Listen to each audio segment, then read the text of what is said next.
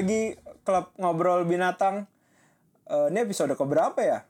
ke-8 8 ya 8. Wow, lumayan Halo juga semuanya. ya. Oh iya, itu Q-nya tahi banget ya. Ada saya Felix. siapa duluan ayo gue Eh, Wanda gua gua kan Hai saya Acung. Felix. Ya. itu dia. Jadi eh, kita bertiga minggu ini bakal ngobrol tentang eh, apa Wan tadi Wan? Apa ya sebenarnya kan ini tuh ada istilahnya nggak sih kalau kita kan ngomongnya adalah buku-buku yang sifatnya dokumentasi Hmm. tapi sebenarnya apa ya ya Apa gitu lah ya? ya Jadi ide sebenarnya muncul eh, ketika di satu pekerjaan gue yang lain beberapa waktu yang lalu gue harus riset. Terus gue eh, topiknya tentang eh, beberapa clothing lokal lah. Salah satu yang harus gue riset adalah maternal disaster. Di Dia Jakarta, ini Lex.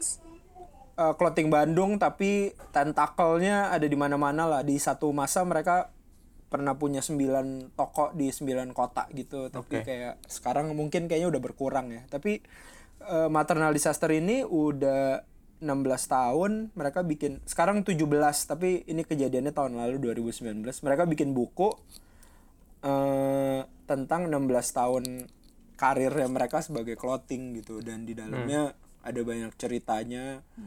Eh kebetulan si ownernya ini basicnya visual jadi punya dokumen punya ide untuk mendokumentasikan banyak hal. Jadi si maternal ini apa ya banyak relasi ke band banyak relasi ke kultur rock and roll dan segala macem. Eh, bukan kaleng-kaleng lah. Terus tiba-tiba gue beli nih bukunya gitu karena eh, kebetulan juga yang wah oke lah sekalian gue riset. Terus gue juga tertarik sama ceritanya dan segala macam gue beli bukunya. Ketika gue baca bukunya datang terus kayak wah ini kok kayak ngingetin hmm, kayak waktu Uncle 347 bikin buku After 10 Years Friends Scholas Uncle ya di 2000 pertengahan gitu. Dan eh, waktu itu tuh kayak buat gue eh, gue kayaknya kita suka semua ya sama Uncle 347 ya iya dong Ya gue sih suka. ya kayak generasi kita, kita, eh, ini ya Orangnya apa barangnya nih? Cih. Cie, barangnya cung kok lu jadi ngomongnya beloknya ke sana sih Kenapa? Eh, kok beloknya ke sana sih Ye. Ya, nggak gue tapi suka tapi dua-duanya. Ya, iya tapi maksudnya si Uncle ini eh, bikin dokumentasi tapi buat gua itu sayang banget karena banyak banget bahasa Inggris yang aneh gitu yang Hmm. yang broken English eh, terus layout juga nggak layout juga nggak nggak bagus-bagus banget. Banyak typo segala eh layoutnya bagus tapi banyak typo, Typo. banyak Detail-detailnya ya. iya detail-detail yang kayak eh gitu. Tapi kemudian oh bisa jadi itu mereka bikinnya 2000-an pertengahan tuh orang nggak berpikiran ke situ kali ya. Bisa jadi maternal membuatnya eh, di periode yang pendokumentasian tuh lebih mateng ya. Iya. Jadi udah udah banyak benchmark kayak gitu loh. Jadi eh, terus akhirnya ya makanya gue ngajak ngobrol kalian sebenarnya wah ini lucu juga kalau kita bahas buku yang basisnya dokumentasi ya. Iya, apalagi kan juga akhir-akhir ini kayak sama lo kita bikin dua, sifatnya juga bisa dibilang lebih ke dokumentasi lah ya, meskipun bukan visual archiving gitu, tapi Iya. gue melihat itu masih em, masih di ranah itulah eh, pendokumentasian itu. Dan itu sesuatu yang akhir-akhir ini di Binatang Press kita lagi juga tertarik banget ya Jung karena banyak banget sebenarnya yang bisa di diarsipkan gitu loh, kayak gitu. Jadi tuh ya, tetap tetap itu sih tetap Mungkin Kenapa, karena di uh, di sini juga culture-nya nggak terlalu peduli soal soal itu kali ya apa hmm, jarang banget kalau gue ngelihatnya uh, sesuatu hal yang penting gitu didokumentasikan jadi sebuah buku gitu. Kalau gue apalagi yang bukan sifatnya culture mungkin bukan nggak peduli ya cung cuma kalau kalau ini observasi gue aja ya sebenarnya kadang-kadang terlalu organik aja organik banget sampai eh, ya nggak nggak sempet terdokumentasi atau eh, bukan jadi prioritas gitu. Em, beda misalnya em, kayak di dan baru akhir-akhir ini gue perhatiin makin ke sini budaya kita semakin ya di dunia ya secara umumnya semakin kalau pakai bahasa istilah ininya semakin otaku gitu loh lo kayak semakin uh, fokus sama apa yang lo suka gitu. Gue perhatiin ada hubungannya.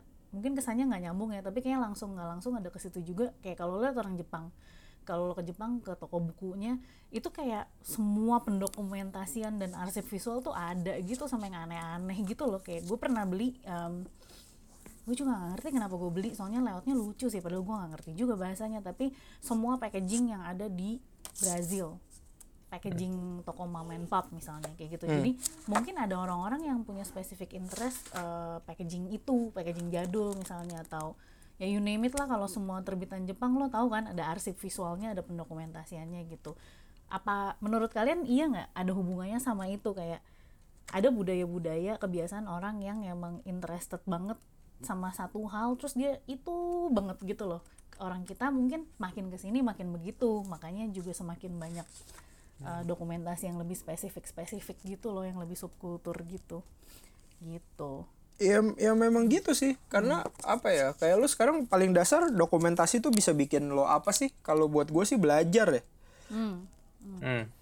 Hmm, kayak tadi gue ngasih contoh eh uncle sama maternal gitu ya kayak buat gue catatan mereka kan sebenarnya terlepas dari beda era ngebuat dan segala macem tapi kan kalau gue sebagai orang yang tertarik untuk membuka brand lokal gitu ya mungkin gue akan mungkin gua akan mendapatkan guna yang baik gitu dari dari dari dua buku itu gitu.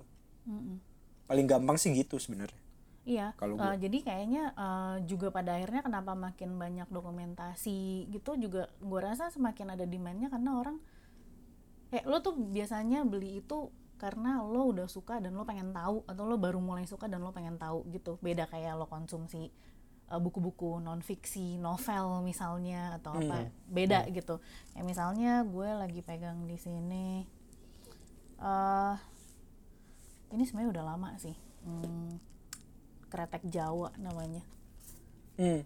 ini baru gue keluarin lagi bukunya karena kebetulan gue lagi butuh research buat layout-layout kretek gitu. Kayak gitu. Hmm.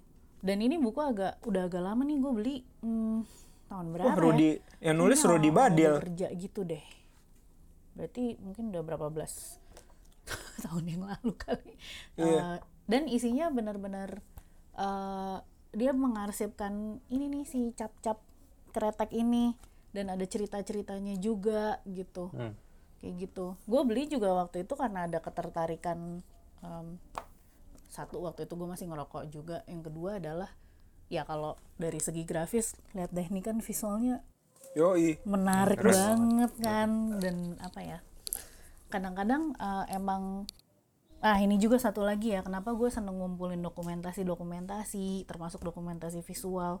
Di era sekarang semuanya tuh lo bisa browsing di sosmed gitu kayak di Pinterest di Instagram gitu.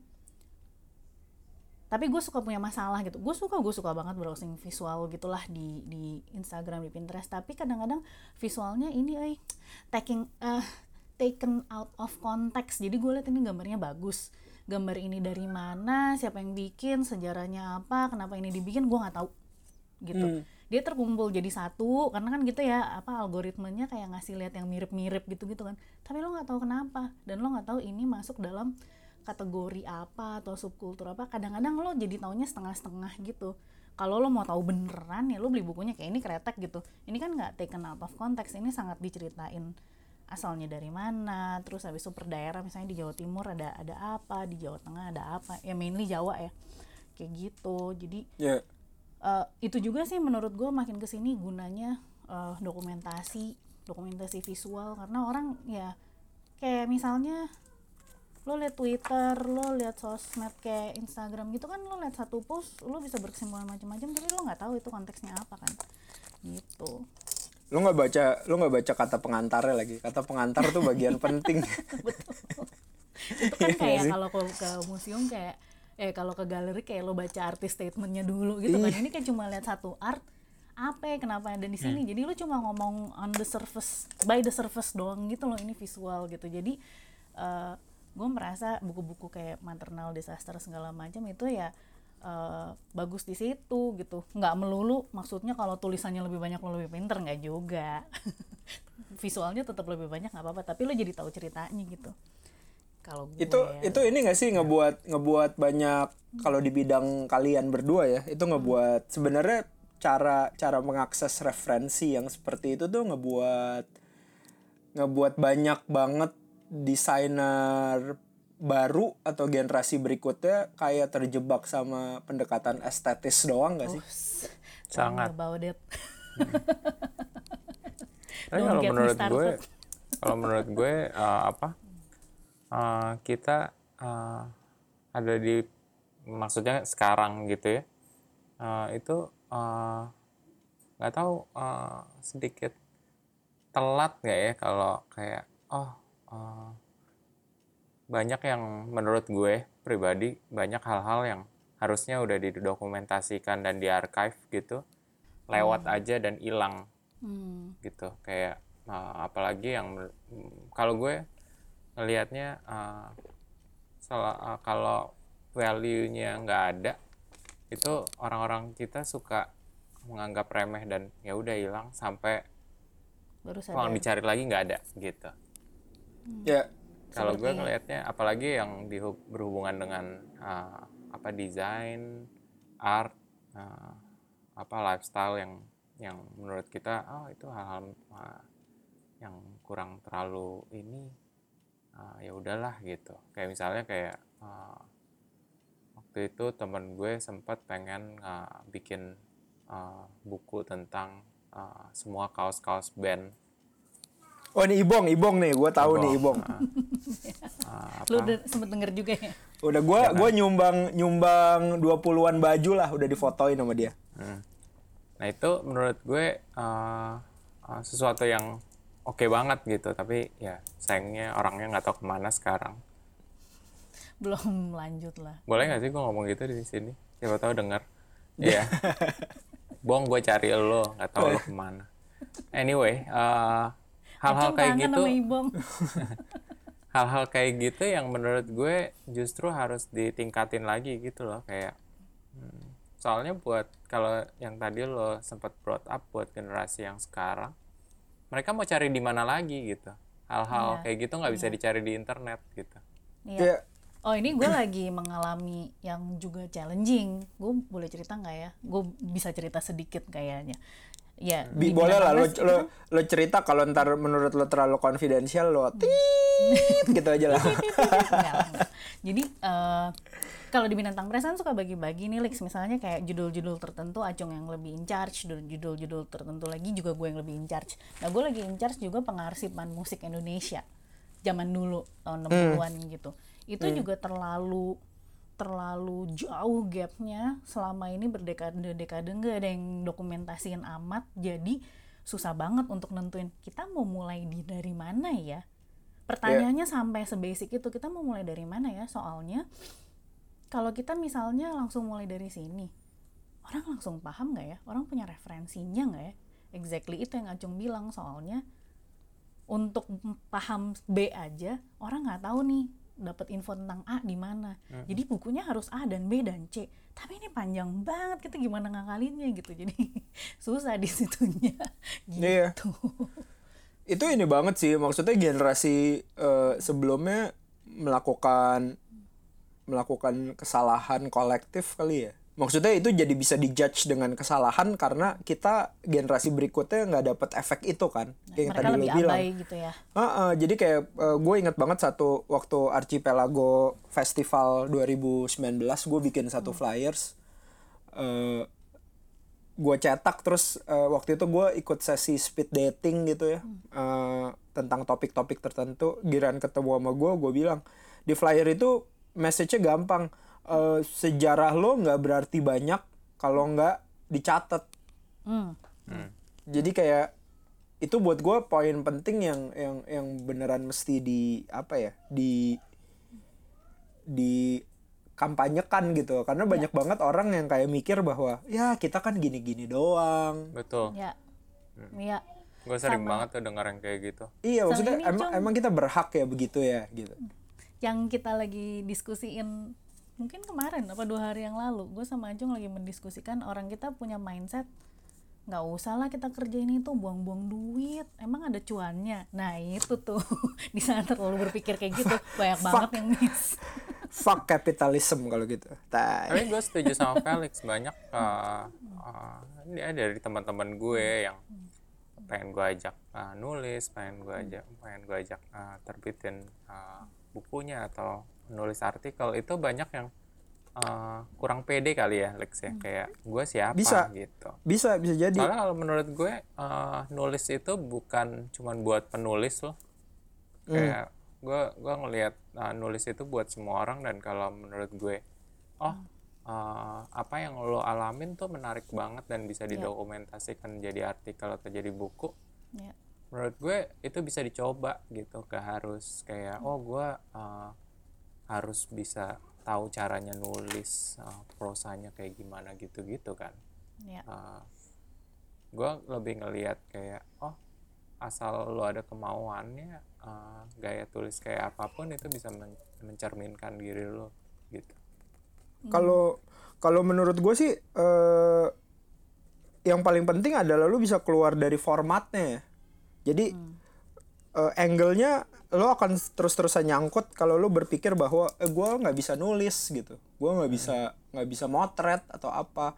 Eh, salah satu salah satu kalau lo ingat ya berdua ya salah satu yang gue brought up ketika buku Wachus tuh gitu sebenarnya. Kayak eh, gua motret dengan kamera kantor hasil endorsan ya lo mention Fuji Film Indonesia cuman gue cuman minta kamera waktu itu ke si Fuji lo punya nggak barang yang buat gue ringkas bisa ngerekam video eh, lensanya lumayan panjang eh, terus digital oke gitu. Ada nih satu tip eh, projectnya eh, pro, produknya discontinue tapi waktu itu gue bawa ke mana-mana gitu dan gue motret White Shoes tuh modenya auto gitu. Hmm. jadi nggak ada nggak ada nggak ada teknik khusus Eh, kebetulan gue bisa dapat angle-angle yang bagus karena angle tuh persoalan selera bukan persoalan teknis. Betul. Jadi itu dua hal berbeda lah. Eh, tapi kemudian udah gitu peristiwanya cuman seminggu. Jadi buku tapi idenya adalah selama Wachus tuh sampai hari ini ya 2020 ya ketika mereka udah nggak sesering itu touring ke luar negeri masih ada orang yang menganggap bahwa Wachus itu adalah band dengan reputasi internasional. Internasional. padahal those days were actually gone. Kayak mereka tuh terakhir kali ke luar negeri tuh tahun lalu ke Malaysia. Udah itu doang gitu. Tapi kan orang image-nya kan kita hanya mempersepsikan itu sebagai Wachus tuh pergi ke luar negeri. Langganan. Enggak mereka nggak langganan. Dulu iya sekarang kan enggak. Nah tapi di luar negeri tuh mereka ngapain sih? Karena di kita tuh taunya eh, ada band ke luar negeri tuh keberhasilan gitu padahal bisa jadi itu baru langkah awal. Bukan perjalanannya kayak apa iya gitu kan. iya bukan perjalanannya. Akhirnya kayak gue berusaha untuk menampilkan nih loh kalau di perjalanan tuh kayak begini ceritanya. Dalam dalam eh, ruang waktu yang cuman satu minggu bisa jadi buku. Lo bayang nggak? Satu minggu satu kota peristiwanya gitu-gitu aja dengan kamera otomatis kayak itu udah breaking breaking any kind of boundaries yang tadi lo bilang itu cong yang kekhawatiran. Gue bisa nggak ya? Aduh, mungkin balik lagi ke tujuan buku dokumentasi yang bertemakan apa archiving atau dokumentasi. Mungkin uh, tujuannya bukan uh, ngasih lihat the best uh, dari sisi kayak oh creatively gue paling uh, ini Iya, yang iya. paling Bukan gue kayak bisa crafting gitu. Iya. Tapi lebih kayak tujuan buku ini apa? Kayak oh mungkin tujuan ini buku ini supaya orang-orang di luar sana bisa ngambil ini sebagai reference. Kayak yang tadi kita omongin di awal kan kayak oh iya. uh, pada jam pada masa ini ada kejadian ini Hmm. dan ini bisa gue pelajarin untuk uh, gue jadiin reference masa depan gitu. Iya dan maksudnya kayak sebenarnya kalau dokumentasi gitu sebenarnya yang paling penting kan pokoknya dokumentasiin aja dulu yang banyak foto yang banyak nulis yang banyak gitu kan. Gue hmm, gue mungkin pakai contoh ini ya karena gue suka banget sama Beatles jadi kayak gue pasti hunting nih semua dokumentasi dokumentasinya baik Anjing, dalam bentuk nggak habis habis ya ada barang baru nggak habis habis ya Beatles ya Nah kan, Bangsat itu ya. dia dalam bentuk video ada, dalam bentuk buku ada, semuanya ada. Kayak nggak pernah habis-habis gitu loh kayak ini dari misalnya roll filmnya George Harrison yang baru dicetak atau apa gitu. Tapi eh, again gitu, emang George Harrison fotografer, emang Ringo Starr fotografer, enggak gitu kan. Tapi kan orang bisa ngelihat, gue mau tahu sejarahnya, value dan ceritanya gitu, seperti itu. Em, emang udah saatnya juga kita stop berlomba-lomba kayak kalau nggak keren gue nggak mau ngasih lihat gitu udahlah kalau keren atau enggaknya serahkan kepada graphic designer dan creative Iya. director untuk nge-framing itu jadi cerita yang bagus Kalau- kalau Gitu. buat gua- kalau kalau- gue ya Ah, ah, kalau kalau buat gue sih it's not about you ya, it's about Yeah. the story kalau menurut gue ya. gitu. Betul. Karena si s- cerita itu yang yang justru Betul. cerita yang terjadi, lo tuh cuman medium, lo tuh cuman medium ceritanya kejadian gitu menurut gue ya. Jadi kayak eh, ada ada satu contoh lagi kalau di luar negeri yang nggak habis-habis tuh ceritanya ini eh, Holocaust. Halo. Iya, itu kan nggak habis-habis kan. Jadi Hmm. buat gua ada tiga yang nggak habis-habis sampai sekarang ya. Eh, Rolling Stones, The Ya. Beatles, sama Holocaust. Kayak tiap Nanti mungkin tahun. covid kali ya Oh Ya, iya mungkin, sih. mungkin sih. mungkin nanti generasinya Kara ceritanya nggak habis-habis COVID kali. ya. covid Mulai dari eh, gimana susahnya jadi manusia single pas COVID. Aduh, ma- banget mau ngedate gimana ya? Anjing itu itu itu problem sih. Gua gua bersyukur sih. berantakan karena Iya. covid sih aduh Suami istri ketemu mulu ternyata jadi masalah. iya pasti pasti banyak Iya kan? bakal banyak banget Gila. film TV series buku eh, semuanya deh Tapi kan itu karya-karya cara- yang dikerjakan saat covid gitu kan iya nggak habis-habis. Tapi tapi apa ya? Tapi maksud gua kalau kalau bisa bisa keluar dari sekedar format dan eh, gua nggak harus maksud gua nggak lo nggak harus berpikir seperti gua sih. Tapi buat gua lo tuh cuman dinumpang lewatin sama cerita. Tapi gue setuju karena kalau eh, yang seperti itu tidak hanya eh, penulis dan jurnalis dan fotografer ya, tapi ya kita kita ini yang kerja desain dan kerja em, art direction gitu kayak kita kita bukan kayak rockstar gitu loh kalau menurut gue ya kayak bukan this is my design gitu. Bukan lo tuh lagi menyampaikan cerita orang lain gitu. Atau mungkin cerita lo sendiri tapi lo nggak bisa kayak desain lo overpowering ceritanya gitu lo harus bergandengan tangan lah gitu. Kalau enggak nanti main ego dong jadinya. Iya. gitu. Mungkin ngomongin kayak eh, nggak melulu tentang lo gitu ya. Ya Iya, gua ngerasa sih kayak gitu. nah Kayak kenapa Lex nggak apa-apa nggak apa-apa terus. soalnya kalau gue ngelihatnya eh, balik lagi ke yang tadi eh, Wanda sempat ngomongin soal cuan kayak itu kan eh, berhubungan banget tuh kayak eh, kalau lo ngomongin tentang eh, apa gue bakal dapat apa cuan dari ini gitu.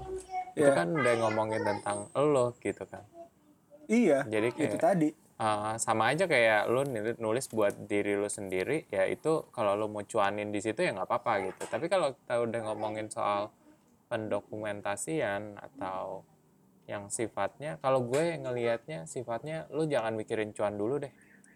Mm-mm. tujuan lu bukan itu gitu. Tujuan lu untuk mendokumen mendokumentasikan sesuatu adalah untuk kepentingan uh, apa orang banyak dan kepentingan kalau uh, apa uh, di generasi berikutnya itu bakal ngelihat ini sebagai acuan gitu Iya. dan itu bisa jadi pembelajaran gitu kan Iya, gue jadi ingat satu bukunya Daniel Ziff, eh judulnya Jakarta Inside Out tuh. Jadi kalau lo cari tuh, dulu gue inget banget zaman itu dirilis 2000-an awal. Dulu dirilisnya harganya 250 ribu kali ya, 200 ribu kali ya. Dulu gue cuman bisa melihat itu di di rak-rak buku tanpa bisa ngebeli ya. Nggak sanggup belinya. Tapi kemudian eh, tiba-tiba gue teringat sama buku itu terus gue beli tahun lalu awal tahun inilah Eh, sama buat referensi lagi idenya gitu.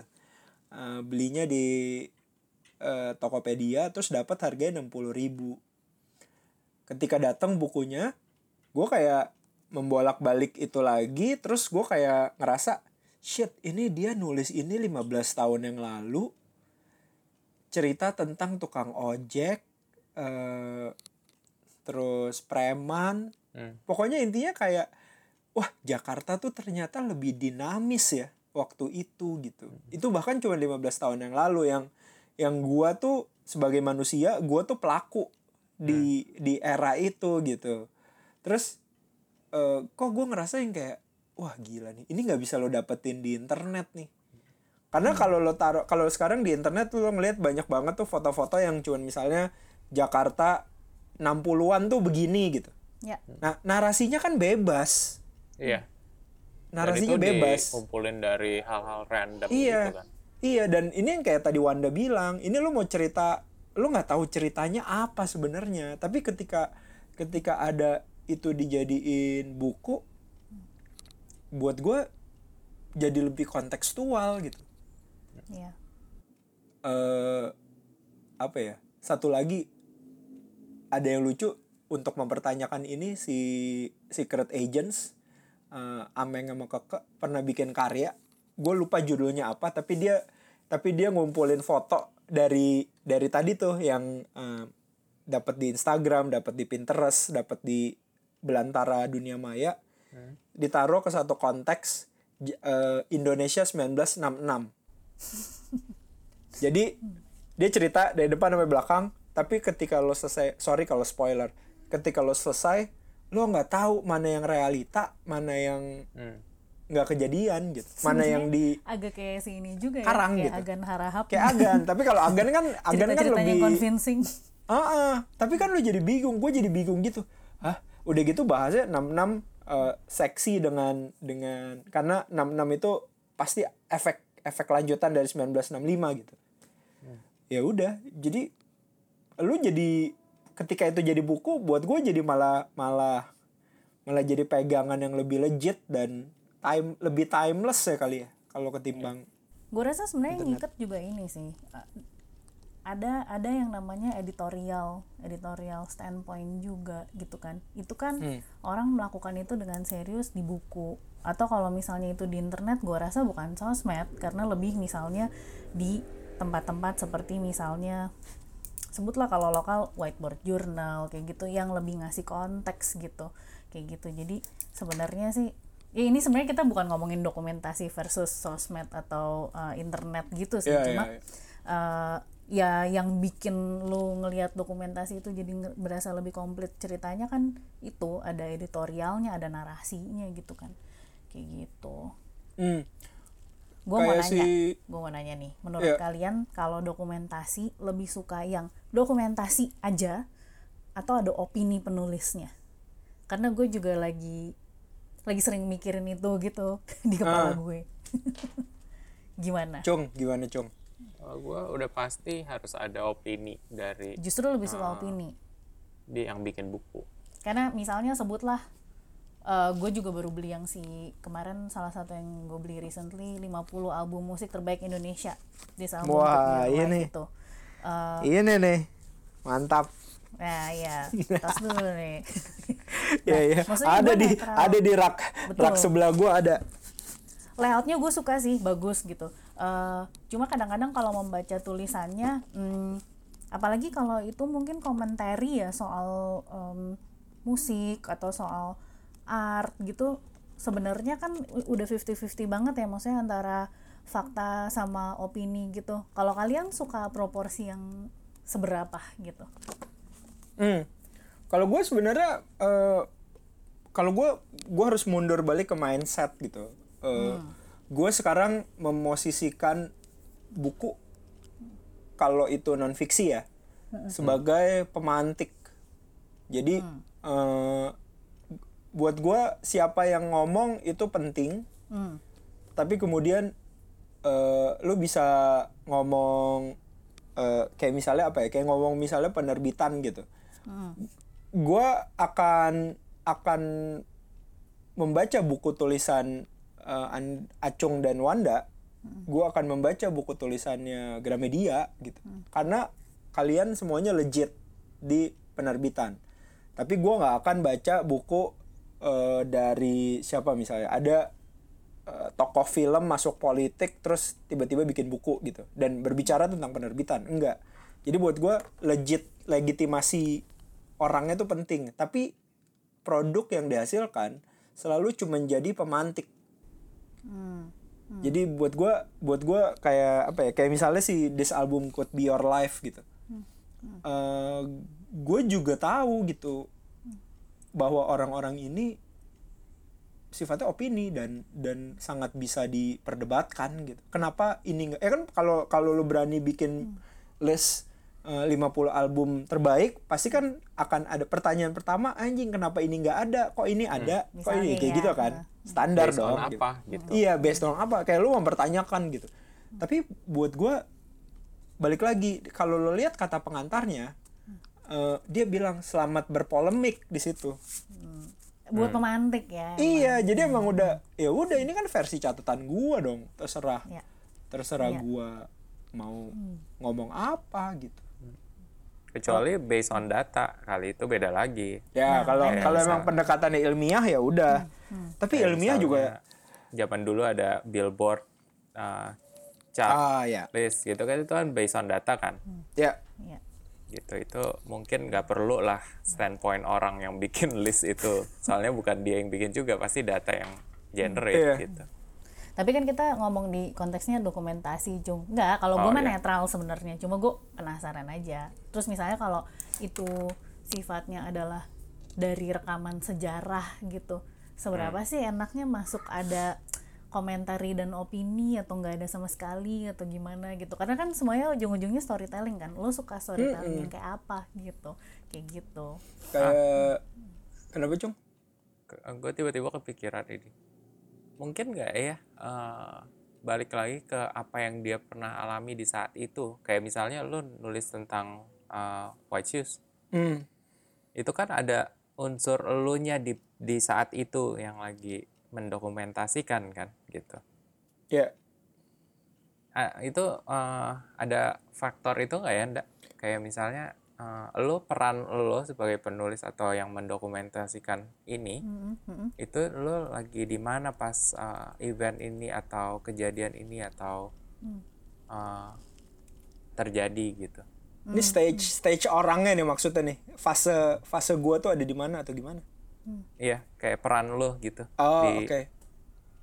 Oh maksudnya misalnya ketika Felix ngedokumentasiin White Shoes perannya emang di situ Felix emang ikut emang Felix yang ngebawa White Shoes tapi juga sekaligus temennya gitu kan? Maksudnya tapi gitu kan Cung. bisa juga kalau misalnya bukan Felix orang dari mana lah kayak fansnya mendokumentasikan segala macamnya terus dia jadiin buku gitu. Itu kan udah uh, Iya, iya. bentuk Itu bisa dari banget. bukunya itu kan udah beda banget gitu. Kalau Kayak- yang tadi kamu nanya ndak soal seberapa ini sih seberapa uh, levelnya uh, si penulis itu mungkin bisa ditentukan dari situ Tapi ada satu ada satu contoh nih yang yang mungkin akan menjawab eh, yang tadi lo omongin. gue inget satu ada satu project ini udah projectnya Deden Alternatif Eh, salah satu penggagasnya Bandung Zin Fest.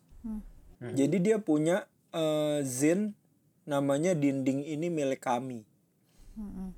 Jadi pernah baca. itu adalah kumpulan foto flyer atau poster yang ditempel di pinggir jalan yang mempromosikan konser, album baru rilis atau ada launching apa. Jadi di sebuah masa Bandung itu cara lo nyebarin Bandung dan Jogja ya, ini kejadian banget. Di Bandung dan Jogja ketika lo mau menyebarkan informasi tentang sesuatu, lo pa- lo cetak posternya A0, A1, A3, itu tempel-tempel jalan lo tempel gitu, lo vandalism. Lo tempel- Di di Jogja masih kejadian sekarang, tapi kalau di Bandung kayaknya udah enggak. Eh, terus dari situ tuh kadang-kadang posternya tuh bisa dahsyat gitu. Lo kebayang nggak ada poster koil, ada poster eh, siapa launching apa gitu. Dan itu men- dan itu jadi sebuah kultur yang ya udah sekarang hilang gitu. Kayak misalnya dalam konteks Bandung ya sekarang hilang nggak nggak nggak ada gitu. udah ada lagi tapi suatu suatu hari itu dulu ada dan Di metode Jakarta itu ada ada tapi Jakarta kan tipe kotanya terlalu besar jadi Scatter. Hmm. jadi efeknya ya gitu misalnya lu lu nempel di Jakarta Selatan orang utara nggak bakal tahu. Karena nggak ada nggak ada ceritanya orang Jakarta Utara ke Selatan dalam jumlah banyak gitu. Sementara kalau Bandung kan Banyak pensi-pensi yang gitu ya. iya. Benar benar benar. Benar benar. itu dulu. Iya kan? Maksudnya di sebuah masa kan melakukan itu gitu. Eh, kayak sekarang eh mungkin sekarang semuanya terpangkas dengan media sosial ya. Iya. Hmm, betul. eh ekspres aja. Tapi yang dilakukan Deden ini menurut gua oke banget gitu yang kayak wah ternyata ada metode menyebarkan ini ya. Termasuk itu soalnya jadi related ke gua karena dulu anak Jogja tuh selalu bisa kayak gini Eh, kalau Jogja tuh miskin tapi maunya itu berhasil membawa mereka keluar dari kemiskinan itu. Jadi dulu tuh eh, sering banget jadi kalau misalnya lu nyetak apa gagal nih. Eh satu hal kan gagalnya cuma satu muka kan baliknya tetap dicetak Iya, balik itu mereka bisa kayak ngepulin gitu ke percetakan-percetakan. Ada kertas nggak kepake nggak, ada kertas nggak kepake nggak. Dan itu jadi market tersendiri. Ya udah lu nyetak di situ. Terus lu tempel. Kan lu pengen tempel di tembok gitu. Jadi lu nggak Iya. perlu nggak perlu barang yang baliknya ada apa ya lu tempel ini. Dan itu beneran dulu tuh di di scene pang-pangan gitu jadi solusi. Jadi kayak misalnya kalau gua anak Jakarta atau gua anak Bandung, gue mau nyetak kalau mau ekstrim mah nyetaknya ke Jogja. Gue kontak teman gue di Jogja eh gue mau nyetak ini nih gini gini gini. Nah tapi kan itu itu adalah bagian kita bisa menceritakan sekarang karena karena bisa jadi kita ada di situ gitu. Tapi apakah generasi berikutnya tahu bahwa itu adalah solusi yang bisa diambil? Iya, udah udah udah maksudnya bukan cerita yang first hand experience like Iya. kalau orang lain yang ceritain ya. Gitu. Ta- tapi kalau kalau dari buku ya lu bisa belajar gitu karena emang akhirnya ya kan em, berkah manusia paling gede adalah menganalisa ya Yoi. dan katanya there's nothing new under the sun jadi sebenarnya semua ya dalam dalam ruang lingkup tertentu kita bisa jadi sudah melakukan itu gitu Mm-mm. Sejak COVID gue nggak percaya itu sih. Karena COVID nggak pernah ini ya. COVID under the sun dan new. Iya. under the sun dan new ya There's always something new under the sun, Lex. oh iya, iya. Ternyata oke ya, oke diralat diralat kita bisa oh itu bisa jadi topik bagus tuh Dai. Eh, iya boleh boleh. new new o- ini old and new tai kayak kayak om om zaman dulu kalau ngomong Istilahnya old and new. iya udah nggak ada kan yang ngomong old and new Oh kayak iya. "Ma- eh, tahun ini mau old and new di mana nih? Masih tahu. Bapaknya Ancung sampai sekarang masih ngomong gitu. itu 8 itu 80-an banget kali ya? Hmm? 80-an banget kali ya tradisi old and new. Itu Tai juga banget old eh, and new. kalau ngomong dokumentasi ya eh, kayak misalnya slang slang zaman dulu segala macam itu juga menurut gua hal-hal yang perlu didokumentasi sih. Karena itu itu lebih organik lagi terjadinya. Jadi kalau ada yang ngedokumentasi ini tuh bagus banget gitu kayak gitu. Sebenarnya kalau zaman dulu ada kamus gaul bisa Ertian ah iya itu juga tuh. Orang masih ngomong apose sekarang kan? Gara-gara itu tuh. Buku itu dulu hits banget loh. Parah parah. Kan tapi tapi itu kan itu sebenarnya lu bisa nebak bahwa Dewi Sahertian memulai sebuah tradisi yang tadi orang eh apa sih? Tapi kemudian tapi kemudian itu jadi jadi masif terus dia bukuin. Gue yakin tuh dia mungkin berpikirnya ada faktor eh, cuan apa enggak. Tapi yang lebih gede adalah dia pengen mendokumentasiin apa yang dia ciptain. Tapi nah itu juga ditambah Dewi Sahertian itu dalam posisi sangat kredibel untuk bikin itu. Makanya eh, orang dia yang, yang dia yang bikin tren itu. Dan dan kita masih ngomongin itu tahun 2020 lo bayangin. Efeknya kan berarti bener kan? Kalau dia nggak bikin buku itu, mungkin kita nggak enggak mungkin hilang mungkin hilang hilang Eh, apalagi eh, generasi 90-an Iya. Ah ya, buku itu ya. Hmm. iya kan terus gue kayak kayak nemu ada ada ada ada satu penyanyi eh penyanyi baru gitu ya yang beneran obses gue nggak mau sebut namanya karena ini keluar dari konteks eh, dia sebagai musisi gitu obses banget sama 90-an Hmm. Lahirnya Dia setelah 90-an Eh, iya, dia kayaknya baru baru 21 tahun atau atau 19 tahun antara itu. Ya, masih masih ku- yang masih kayak kuliah gitu. kok. Eh, obses sih cara cara belajarnya dari mana ya dari buku generasi 90-an itu. Lu kebayang nggak dia ngedengerin Cranberries? banget gue bilang, fuck, oke.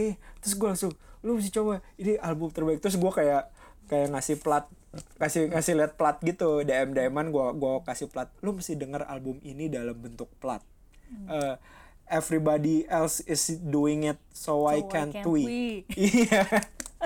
album pertamanya Cranberries tuh kayak eh, yang duduknya di sofa. Ingat gak lo? Ya, kayak itu, ah, itu se-iconic posternya Friends lah Iya. ya udah terus kayak eh, wah gila gue bilang ya dia benar juga ya dia dia mendapatkan informasi-informasi ini dari mana ya Hmm. ya dari buku itu salah satunya Iya. Tapi kalau ngomongin yang anak-anak generasi yang lebih muda-muda nih yang kayak 20-an awal gitu, mereka ini banget loh. eh, mereka justru lebih kalau gue perhatiin ya, lebih banyak punya kesadaran tuh buat ngumpulin dokumentasi-dokumentasi itu segala macam gitu. Kayaknya justru udah lebih nggak ketipu sama sosmed. Udah mulai tahu. Ya emang gue juga tahu di sosmed hanya bisa lihat segitu, makanya gue cari gitu.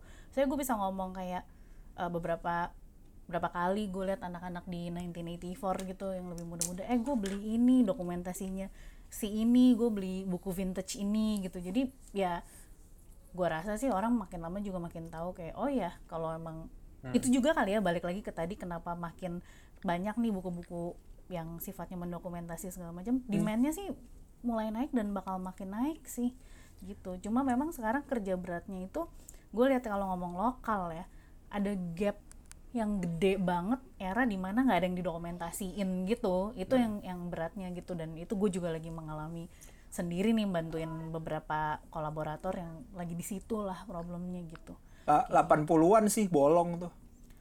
Ya 80-an betul. Se- 90-an pun juga menurut gue masih ada yang bolong-bolong sih. Kayak ngomong slang ya bisa jadi sekarang eh, orang-orang yang gaya hidupnya kayak kita berpikir bahwa slang itu katro. Karena eh, buat buat gue slang tuh sekarang katro karena Wah, nggak kesalahan. nih. Enggak, sekarang kesalahan paling besar mereka adalah eh, ada di sisi penguasa gitu. Kalau buat gua. Hmm, oke, Tapi oke, gua masih dengerin, gua dengerin tuh slang sampai album Jurus Tandur tahun 2005. Hmm. Lu boleh lu boleh ngadu sama gua lagu slang sampai tahun 2005, paham gua. Tapi abis itu wah bye bye. Tapi Bye-bye. bisa jadi generasi sekarang tuh eh, melihatnya kan slang yang hari ini yang kan. sekarang ya Iya kan, jadi kayak bisa berubah gitu sebenarnya. Padahal kalau lo liatin zaman dulu slang, wah gila slang itu pemberontakan norma, gila lo. tapi itu yang gue suka sama uh, ini nggak nyambung sih tapi gue selalu miss uh, dan gue senang gue dilahirkan di era ini di era apa di mana kita ngelihat uh, era uh, sebelum internet sama setelah internet gitu. Hmm, soalnya itu menurut gue pengaruhnya sangat besar sih sama uh, apa yang kita alamin sekarang gitu-gitu. Ya Iya sih. ada pengaruhnya ini nggak ya? Kayak uh, 80-an tuh kurang dokumentasi karena kita masih bergejolak sebagai negara gitu. Atau Orba justru, iya, at- atau justru sangat stabil sebenarnya. oh iya Kayak kayak nih, kenapa? Iya bisa jadi dan kayak ini gak sih 80-an itu era baby boomers lagi kerja semua nih. Terus eh, mereka tuh fokusnya jadi white collar jadi ekonom jadi teknokrat gitu loh kayak gitu. Bisa jadi. nggak nggak kayak kita sekarang gitu kayak dulu kan kayaknya generasi orang tua kita lo sekolah harus jadi insinyur atau jadi ekonom kayak gitu. Jadi mungkin nggak fokusnya sangat nggak ke situ gitu. Tapi gue gue percaya banget itu sih gap terbesarnya di era-era itu. Dan gue ngerasa sekarang tuh kunciannya tuh generasi kita gitu yang bisa ngehubungin itu. Karena, Karena- bawah udah terlalu disconnect atas tuh juga udah nggak bader. Yang bisa ngehubungin antara yang pre internet dengan after internet itu generasi kita. Jadi maksudnya ya kita harus lebih banyak sih bikin macam-macam dokumentasi lebih mensupport yang muda-muda dengan ya segala macam. Inilah penerbitan event segala macam yang bisa nge-connect itu gitu. Kok gue jadi mikir gini ya eh, bisa jadi kita nih kita kan ngalamin 98 ya eh, perubahan perubahan konstelasi politik itu. Terus Indonesia sebelumnya kan bergejolak yang berhasil pecah gitu ya berhasil belok gitu ya 1965 dan sebelumnya tuh 1945 jadi kita tuh gue tuh tadi ketika Acung bilang gue gue bang apa gue seneng gue hidup bisa ngelihat dua zaman tuh bisa jadi kita sama kayak generasi yang ngalamin Indonesia merdeka. Karena bisa ngebayangin pasca pasca eh, Jepang Belanda dan Indonesia ketika merdeka. Hindia atau Belanda dan 65 Indonesia ya. Mm-mm. atau 65 ketika misalnya komunis eh, jadi eh, apa namanya jadi Soekarno Eh, eh, jadi lagi digemari banget sama in a blink of an eye jadi yang paling diburu jadi kan hidup berubah tuh sama kita kayak kita ngalamin Soeharto tapi tiba-tiba in a blink of an eye Soeharto di dihujat gitu Iya. sementara Soeharto tuh menghadirkan kestabilan yang menurut gua jelek selama 32 tahun gitu. Lo Betul. kebayang gak sih kayak 32 tahun tuh hilang aja gitu, deng. Kayak satu peristiwa dia resign, besoknya langsung jadi penjahat paling besar kan. Eh, gua gua juga nggak suka Soeharto, tapi maksud gua gua coba berusaha untuk menggambarkan itu. Bisa jadi karena kita kita ngalamin itu sih, Cung. Iya. Yang yang buat gua jadi perspektifnya perspektifnya ada di antara ya. Anjing. Berat banget kita ya hari ini. ya berapa Udah, udah, kali udah. kita kita mau rekaman di zoom kayak kita yang ringan-ringan dan seru tapi keseruan ngobrol ya dan gue sama Acung seminggu lagi sibuk banget jadi kayak looking forward banget gitu dari kemarin kayak kapan nih kita bisa podcast lagi hiburan.